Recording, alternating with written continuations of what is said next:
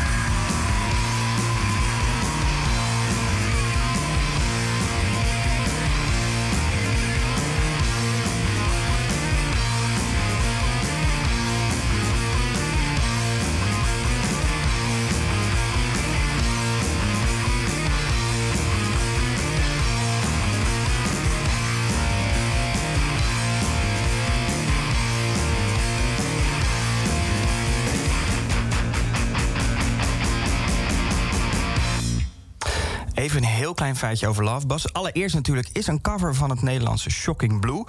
Is de eerste single van Nirvana. En dat stond dus op Bleach, dat zei ik net al. En Bleach, dat, is- dat is interessant om te weten, is gefinancierd voor 600 dollar door ene Jason Everman. En Jason Everman had verder niks met Nirvana te maken, maar zei: Jullie hebben geen geld, ik heb een gitaar. Dus ik financier jullie album, jullie eerste album.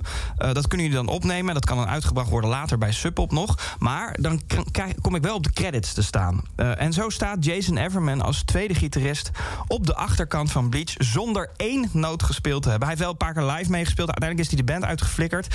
De band zou namelijk gezegd hebben: ja, hij begreep ons niet helemaal. Hij was de enige zonder gescheiden ouders. Eh, en het liedje In Bloom zou daar dan nog over gaan. Ehm, we blijven even bij Bleach. We gaan naar School. Het liedje wat het vaakst live gespeeld is door Nirvana ooit. Namelijk van 88 tot 94. En het liedje heeft maar 15 woorden en ze zijn alle 15 raak. School.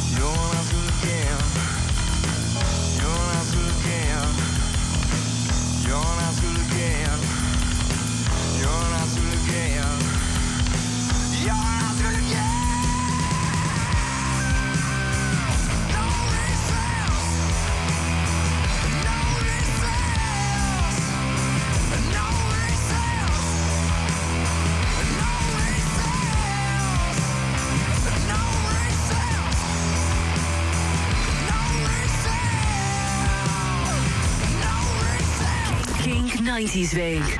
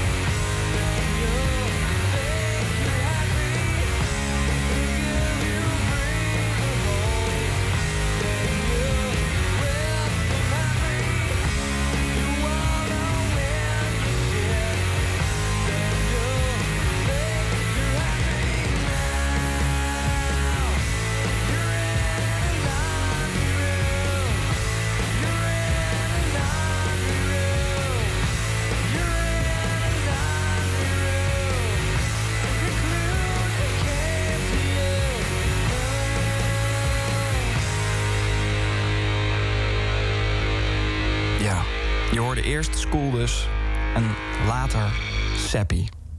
Sappy is natuurlijk een samentrekking van happy en sad. Zoals eh, Kurt Cobain ook een beetje was.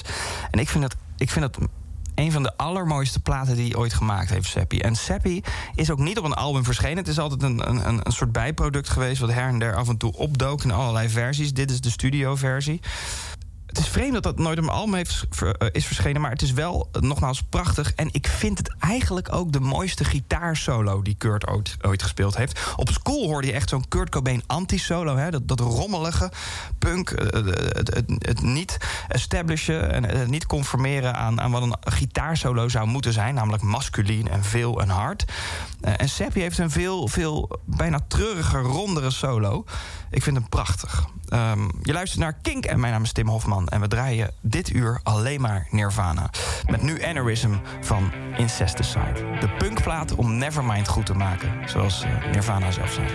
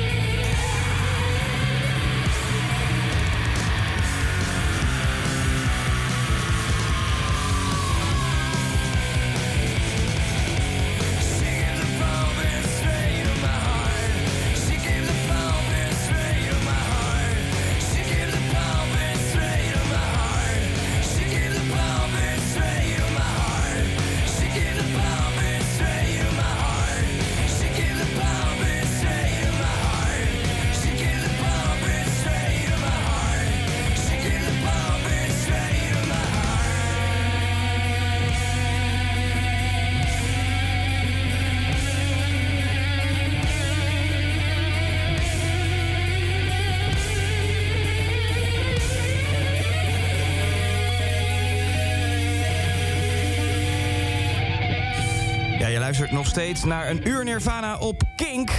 Straks de harde en de zachte liedjes nogmaals in de tweede half uur, maar eerst even de boodschap.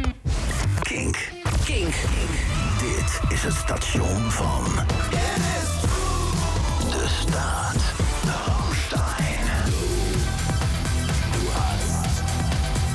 Te ontvangen via kink.nl, de Kink-app en in heel Nederland op DAB+. Kink.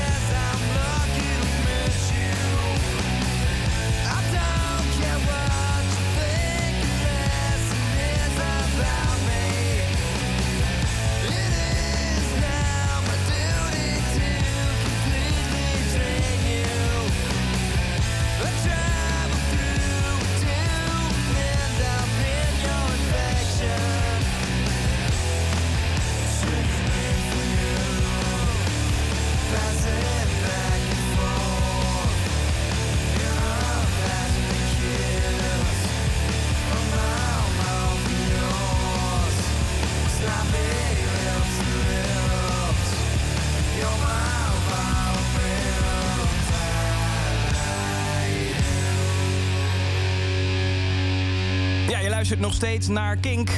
Een heel uur Nirvana. Ik, eh, ik, dit is denk ik mijn tienerdroom. Ik vind alles leuk en aardig in mijn werk, maar dit is het, jongens. Uh, voor Drain You van Nevermind hoorde je You Know You're Right. Uitgebracht in 2002, opgenomen in 1994. En interessant is...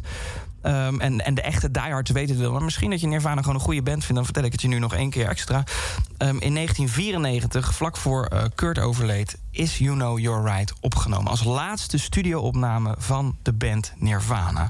En dat heeft een beetje grimmige sfeer als je het luistert. En ook in, de, in, in, de opname, in het opnameproces gebeurde dat ook. Uh, Dave en Chris, uh, Dave keet natuurlijk nu van de Foo Fighters... was toen drummer van Nirvana en Chris Novoselic als de bassist... die hadden de plaat al opgenomen en Kurt kwam maar niet opdagen. Hij moest zijn partijen nog doen, de gitaarpartijen en de zangpartijen... maar hij kwam maar niet. En dat is ook niet zo gek. Kurt was in de to toen de tijd, zat hij of in een afkikkliniek... of hij was bezig met heroïne. Hij was in ieder geval niet bezig met muziek maken. Of in ieder geval niet met veel met de band. En op een gegeven moment, op zomaar een dag, loopt hij dus die studio in, Kurt Cobain. Komt hij daar half verwilderd binnen. En hij zegt, nou, laten we het opnemen. En wat wil, hij heeft geen gitaren bij zich. Kurt Cobain, de man van de, van de Fender sound. Hè. Hij heeft zelfs zijn eigen, zijn eigen lijn gehad. De Jagstang, de kruising tussen de Jaguar en de, um, uh, en de, uh, de Mustang. Hij had geen Fender bij zich. En hij heeft, toen, hij heeft toen deze plaat ingespeeld op een Ibanez. En voor de goede verstaander, als je denkt... ja, wat, wat is dat snerpende jaren 80 gitaargeluid nou... wat helemaal niet klinkt als Nirvana? Nou, dat is dus Kurt Cobain, die speelde op een Ibanez... omdat hij misschien wel zo high was dat hij zijn gitaren niet mee had... en het dan maar op een Ibanezje moest doen. Dat hoorde je, You Know You're Right. Je luistert nog steeds naar Kink. Een heel uur Nirvana met nu Lake of Fire van de Unplugged-sessie.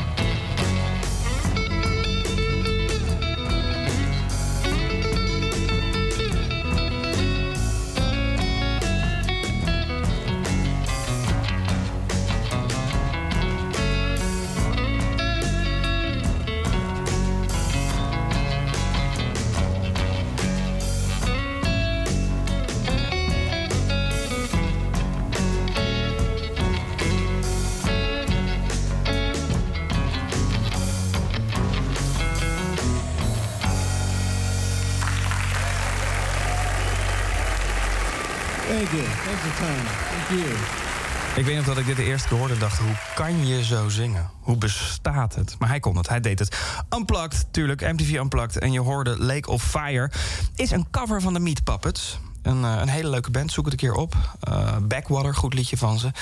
Um, en de Meat Puppets spelen ook mee. Nirvana speelt drie covers tijdens uh, de Unplugged. En zij spelen de gitaarpartijen mee. En waarom is dat nou? Waarom deed Kurt dat niet zelf? Want ze speelden wel vaker covers. Dat is omdat Kurt dat niet kon. Hij kon het niet zingen en spelen tegelijk. Hij werd er ook een beetje onzeker van. Hij zei, nou, we huren gewoon die gasten in. Die spelen met ons mee. Die kunnen dat veel beter dan ik. En zo geschieden. We blijven even in de coversferen. We gaan namelijk naar uh, Turnaround. En dat is een cover van Divo, een B-kantje uit 1980 van Divo. Voor het eerst keer live gespeeld in 1991 door Nirvana. In dezelfde set als dat ze voor het eerst Teen Spirit speelden. En uh, ja, op een of andere manier is dit zo'n vrolijk plaatje. dacht ik kan hem niet laten liggen, ook vandaag. Turnaround.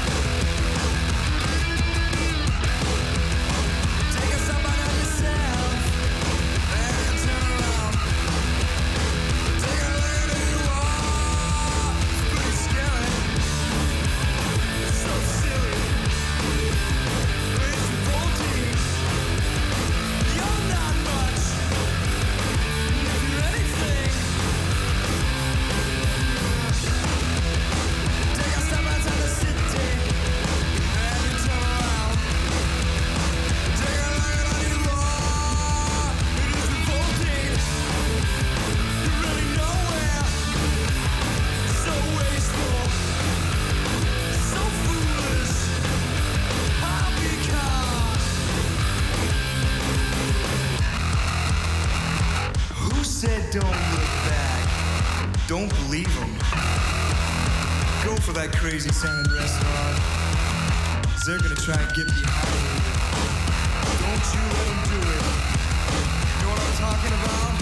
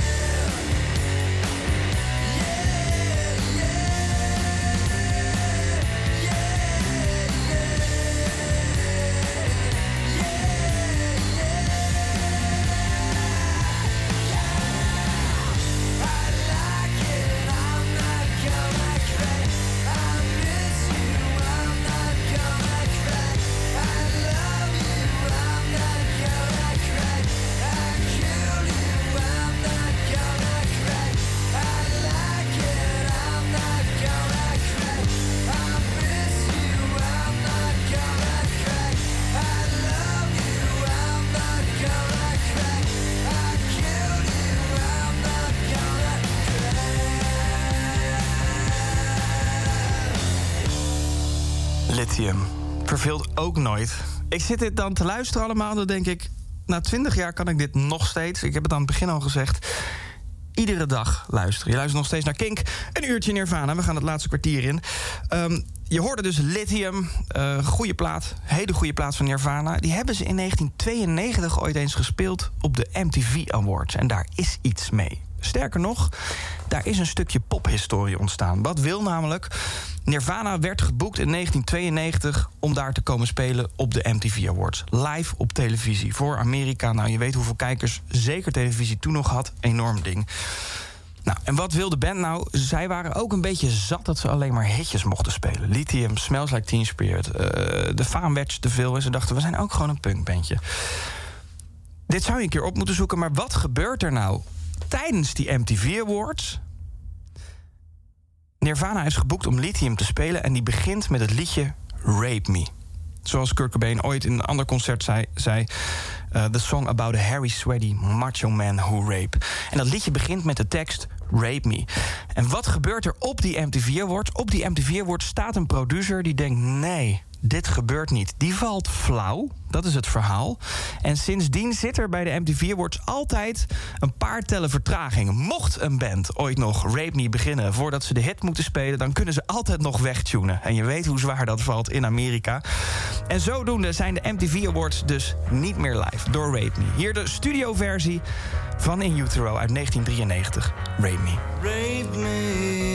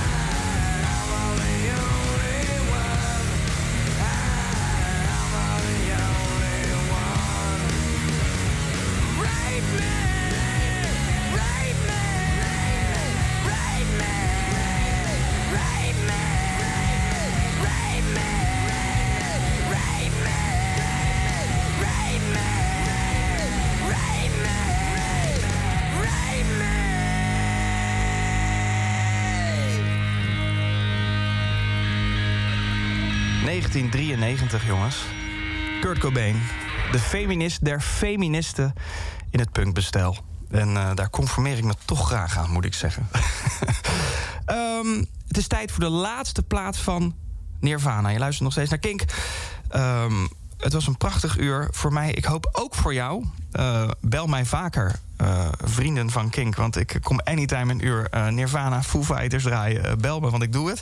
Ehm, de laatste plaat is ehm, The Man Who Sold the World. Dat is natuurlijk een, een cover van, eh, van David Bowie. En Nirvana was niet vies van covers. Hè. Je hoorde net al, eh, Divo heb ik laten horen. Lake of Fire cover van de Meat Puppets. Uh, Love Buzz een cover van het Nederlandse Shocking Blue. En The Man Who Sold the World, de akoestische versie... die ging de hele wereld over. Dat is misschien wel een van de bekendste liedjes... mainstream van Nirvana. Maar het is niet de beste versie, vind ik eigenlijk. In 1993 en 1994 speelde Nirvana dat liedje live bij de grote concerten... en dan speelden ze een elektrische versie. En in de versie van Bowie zit aan het einde een koortje... wat eigenlijk neerlegt wat, wat, wat het liedje inhoudt. Het verdriet uit die plaat. En dat koortje dat zingt Kurt Cobain niet in de unplugged versie, maar live zingt hij dat wel.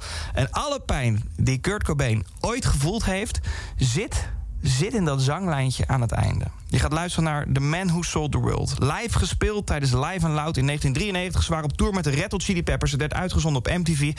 Volgens de kenners een van de beste sets die ze ooit gespeeld hebben. The Man Who Sold the World. Tot het volgende uurtje ooit. We zien wel. Doei. This is a David Bowie song. We